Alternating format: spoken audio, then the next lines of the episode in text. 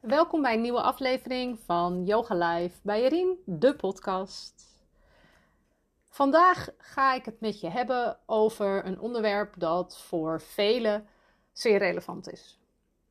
Het gaat over burn-out en de lessen die ik leerde uh, uit mijn, van mijn burn-out. Stel je voor, je zit thuis met de diagnose burn-out en je vraagt je af hoe jou dit kon overkomen. Ik had hetzelfde. Misschien dacht je net als ik dat alleen mensen die opgeven een burn-out kunnen krijgen, maar niets is minder waar. Ik heb ontdekt dat juist de sterke mensen een burn-out kunnen krijgen, omdat ze vooral altijd maar doorgaan, signalen negeren, altijd klaarstaan voor anderen, zichzelf wegcijferen. Nou, als ik je nou vertel dat jij degene bent die uit je burn-out kan komen. In deze aflevering deel ik dus mijn vijf grootste lessen die ik heb geleerd van mijn burn-out. De inzichten heeft mij geholpen om mijn leven opnieuw vorm te geven, mijn dromen na te jagen en een, een positievere mindset te ontwikkelen. Ik heb geleerd om beter naar mijn lichaam te luisteren, mijn grenzen aan te geven en hoe ik effectief met stress kan omgaan. Het was een hele reis, maar hier mijn verhaal. Fijn dat je weer luistert. Mijn naam is Jerien en je luistert naar de podcast van Yoga Life bij Jerien. Ik ben ex-topsporter, moeder van drie prachtige kinderen en ervaringsdeskundige op het gebied van grensoverschrijdend gedrag, burn-out en PTSS. Met mijn bedrijf begeleid ik ambitieuze werkende moeders met behulp van yoga, wandelen en coaching. Het is mijn missie een positieve bijdrage te leveren aan de maatschappij door tenminste 10.000 vrouwen met stress- en burn-out klachten te begeleiden naar meer rust in hoofd en lijf. Ben jij een ambitieuze werkende moeder en wil jij de regie terug over je leven? Dan is deze podcast voor jou. We gaan het over van alles hebben wat raakvlakken heeft met yoga, wandeltherapie en natuurcoaching. Rauwe gesprekken, tips, tricks en mijn inzichten naar meer rust in hoofd en lijf. Dus neem nu even een momentje voor jezelf en luister mee. Stap uit de schaduw en laat je licht schijnen.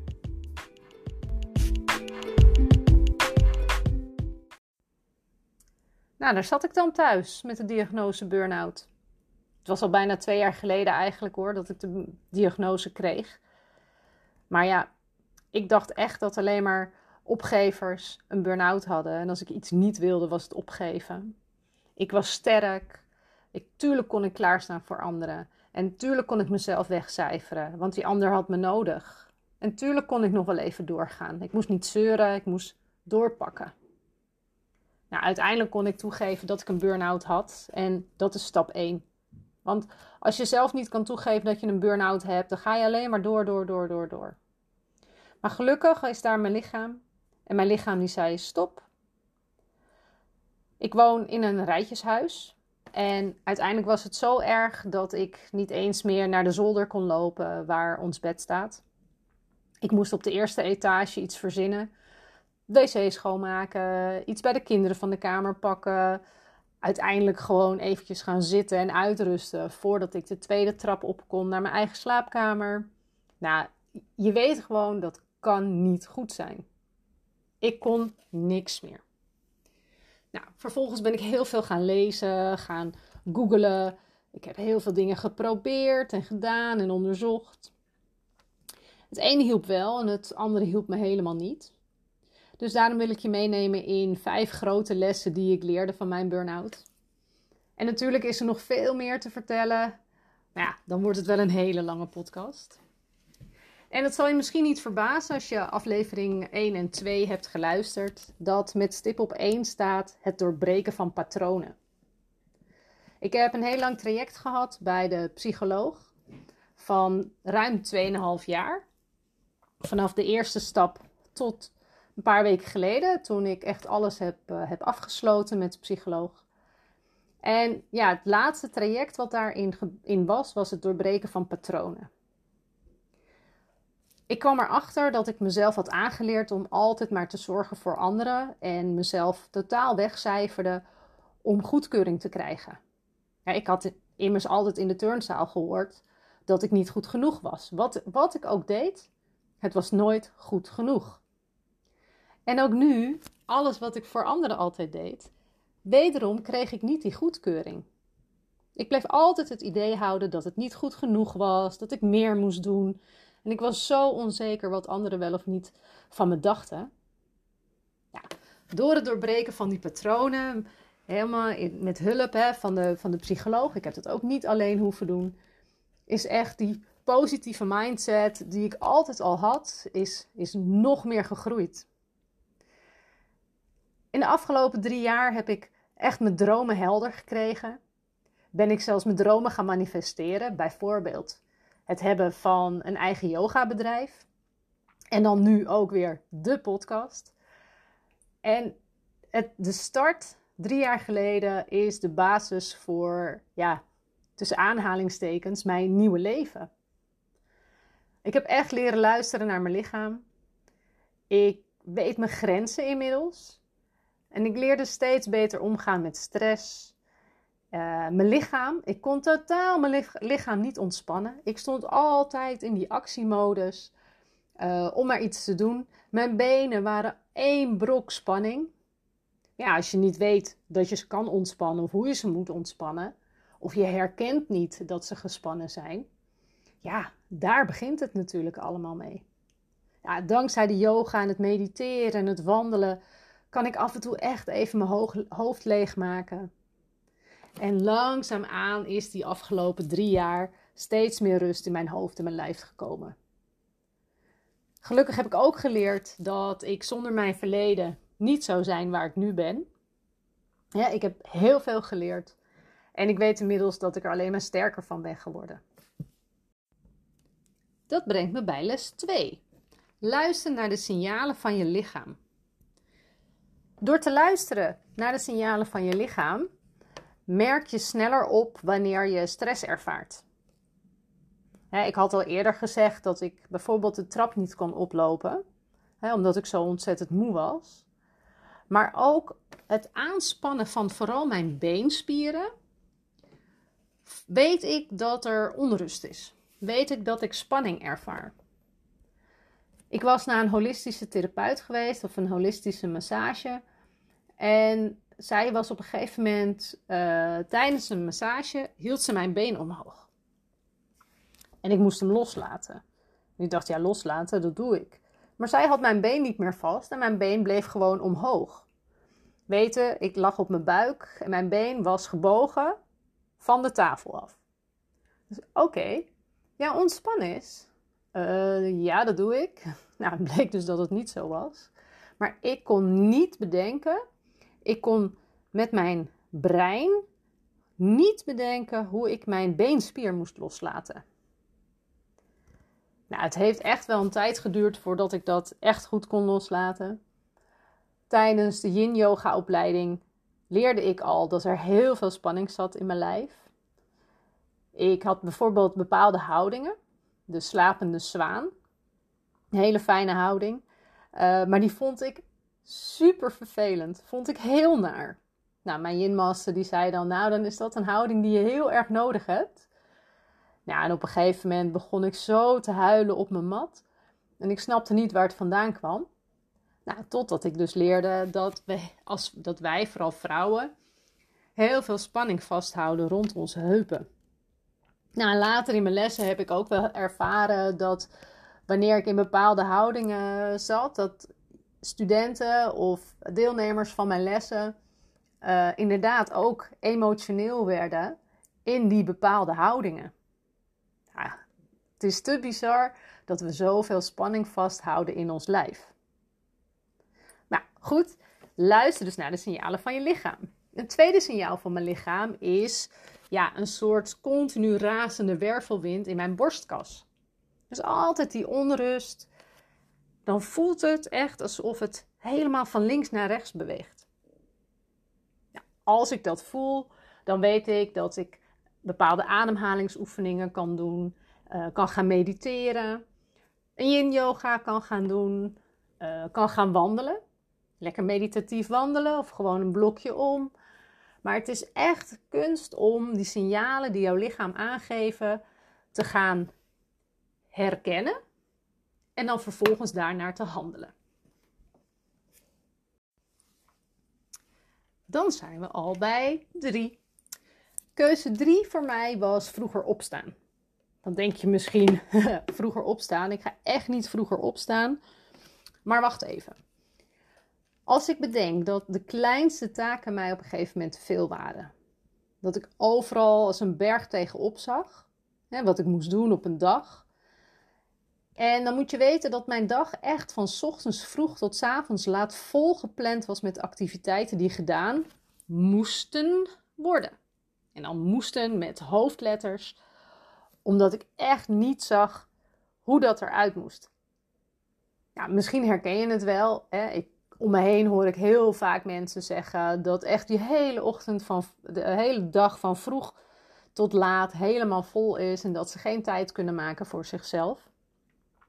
Dan toch echt ga kijken of je vroeger kunt opstaan. Onze kinderen zijn inmiddels al wat ouder, waardoor de ochtenden niet meer zo heel druk zijn. Hè. Ze gaan lekker hun eigen gang. Maar dat was wel anders. De ochtenden waren echt spitsuur. Gezellig waren ze al helemaal niet. Het was altijd druk, haasten, stressen om iedereen op tijd aangekleed te krijgen. Uh, iedereen moest eten, de tanden moesten worden gepoetst, spullen moesten klaargelegd worden voor die dag, voor werk, voor school. Nou, ik deed wel tien dingen tegelijk en hield ook nog eens alle ballen van anderen in de lucht. En voordat ik naar mijn werk ging, stond ik al 3-0 achter. Toen kwam toch dat vroege opstaan. Ik kwam de Miracle Morning tegen van Hal Elrod. En daar ben ik mee begonnen. Uiteindelijk heb ik daar zelf ook een, uh, online, uh, een online programma voor geschreven. Hij is op dit moment niet online, maar zodra die online is, dan uh, zal ik je er vast nog weer wat, wat over vertellen. Maar vroeg opstaan bleek voor mij de key later in de Ayurvedische opleiding die ik heb gedaan, leerde ik ook nog eens dat voor zes uur opstaan heel goed is qua energie. Dan zit je als het ware in pitta-tijd, wat actie geeft. Maar goed, dat is uh, iets voor een andere keer. Als ik je vertel dat ik eigenlijk voor de wekker altijd al wakker ben, ergens half zes, kwart voor zes, dan sta ik op. En dat was niet zo. Hè? Vroeger snoeste ik liever twee of drie keer. Dan even snel douchen, aankleden, eten, tandenpoetsen en weg. En dat ging goed totdat ik kinderen kreeg. Want ik was wel op tijd klaar, maar dan moesten de kinderen nog. Ja, stressen, haasten, geen rust, je snapt het, er moest iets veranderen. Nou, ik ging echt voor mezelf tijd creëren door eerder op te staan. Dus ik ging mijn wekker zetten, ik zette alles klaar.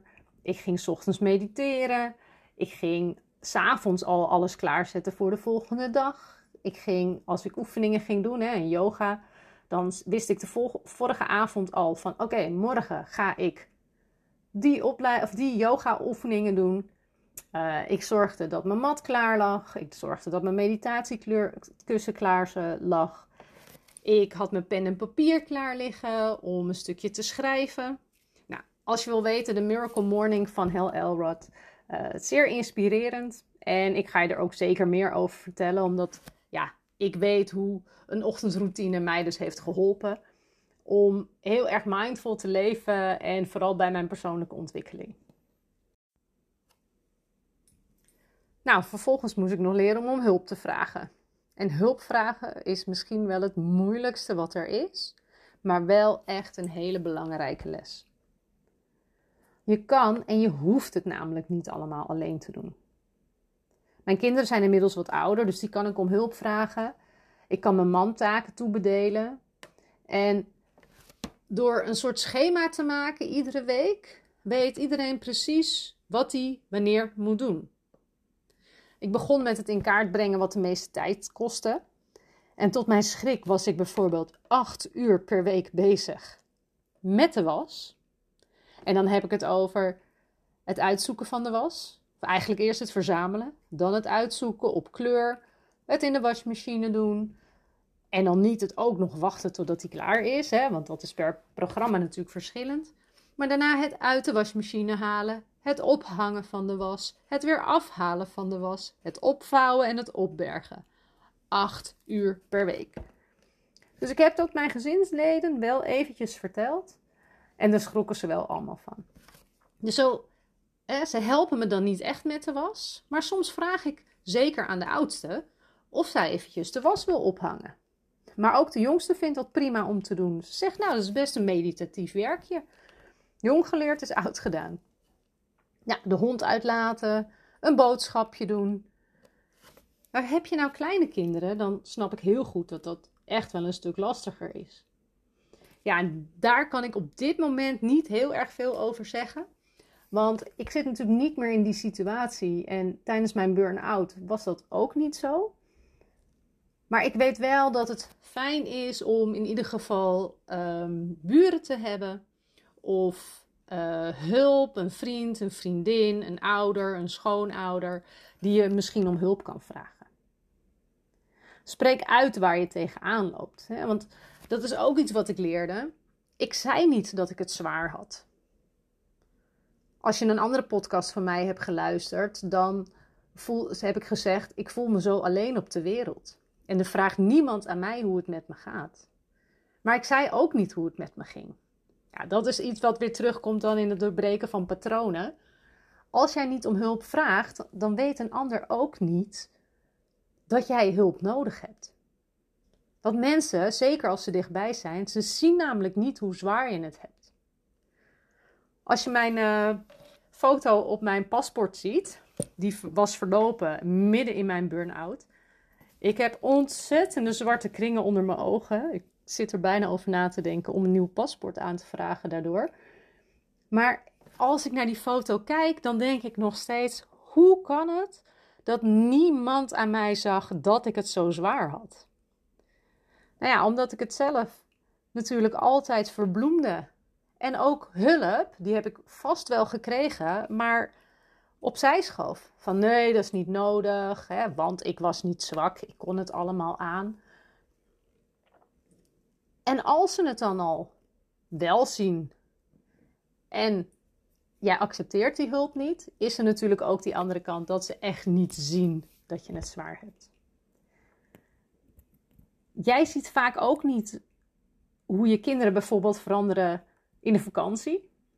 Maar ik moet altijd heel erg lachen als we terugkomen van vakantie en mijn schoonmoeder dan ineens de kinderen weer ziet. En dan zijn we drie weken weg geweest. Maar dan zegt ze altijd: Jeetje, wat zijn ze veranderd. Dus het is maar precies, hè, het gaat heel geleidelijk, het gaat niet meteen. Het gaat niet van de een op de andere dag. Dus je moet ook de ander helpen om jou weer te kunnen helpen.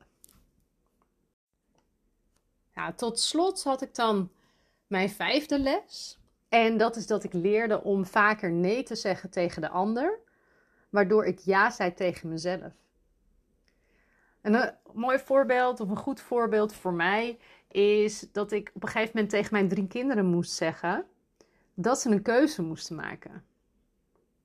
De oudste die wilde dansen en in Den Haag en in Velsenbroek. Mijn zoon die was en aan het basketballen en aan het freerunnen.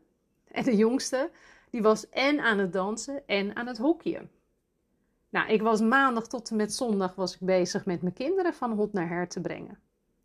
En dan deed de, oudste, die deed nog wedstrijden op zondag. De jongste en de middelste, die deden op zaterdag wedstrijden. De een ochtends, de anders middags. Dus het hele weekend was gevuld met van wedstrijd naar wedstrijd. Van sporthal naar sporthal. Nou, en dan door de week ook nog weer en dansen en freerunnen en nou, noem het allemaal maar op. Ik voelde me zo'n slechte moeder toen ik zei dat ze moesten kiezen. Maar uiteindelijk was het eerste wat ze zeiden. Of eerst was natuurlijk dat ze absoluut geen keuze wilden maken.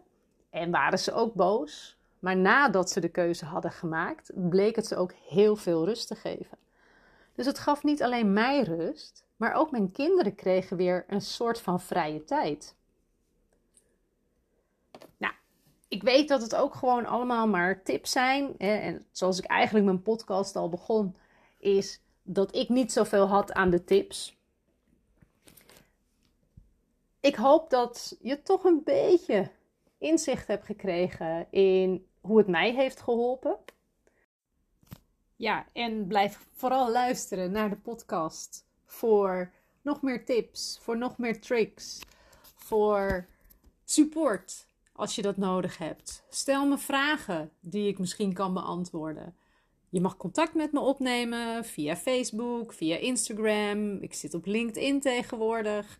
Mijn zoon die zei vorige week: Mama, je moet op TikTok. Dus ik zit tegenwoordig ook op TikTok. Alles onder Yoga Live bij Jerien. Wel zo makkelijk. Stuur me een berichtje. We kunnen samen gaan wandelen. Je kan yogalessen komen volgen. Je kan in een groep iets meedoen. Je kan één op één iets meedoen. Kijk wat je wil. Ik heb verschillende online programma's. Maar dat komt allemaal later. Voor nu wil ik je heel erg bedanken voor het luisteren. En tot de volgende podcast.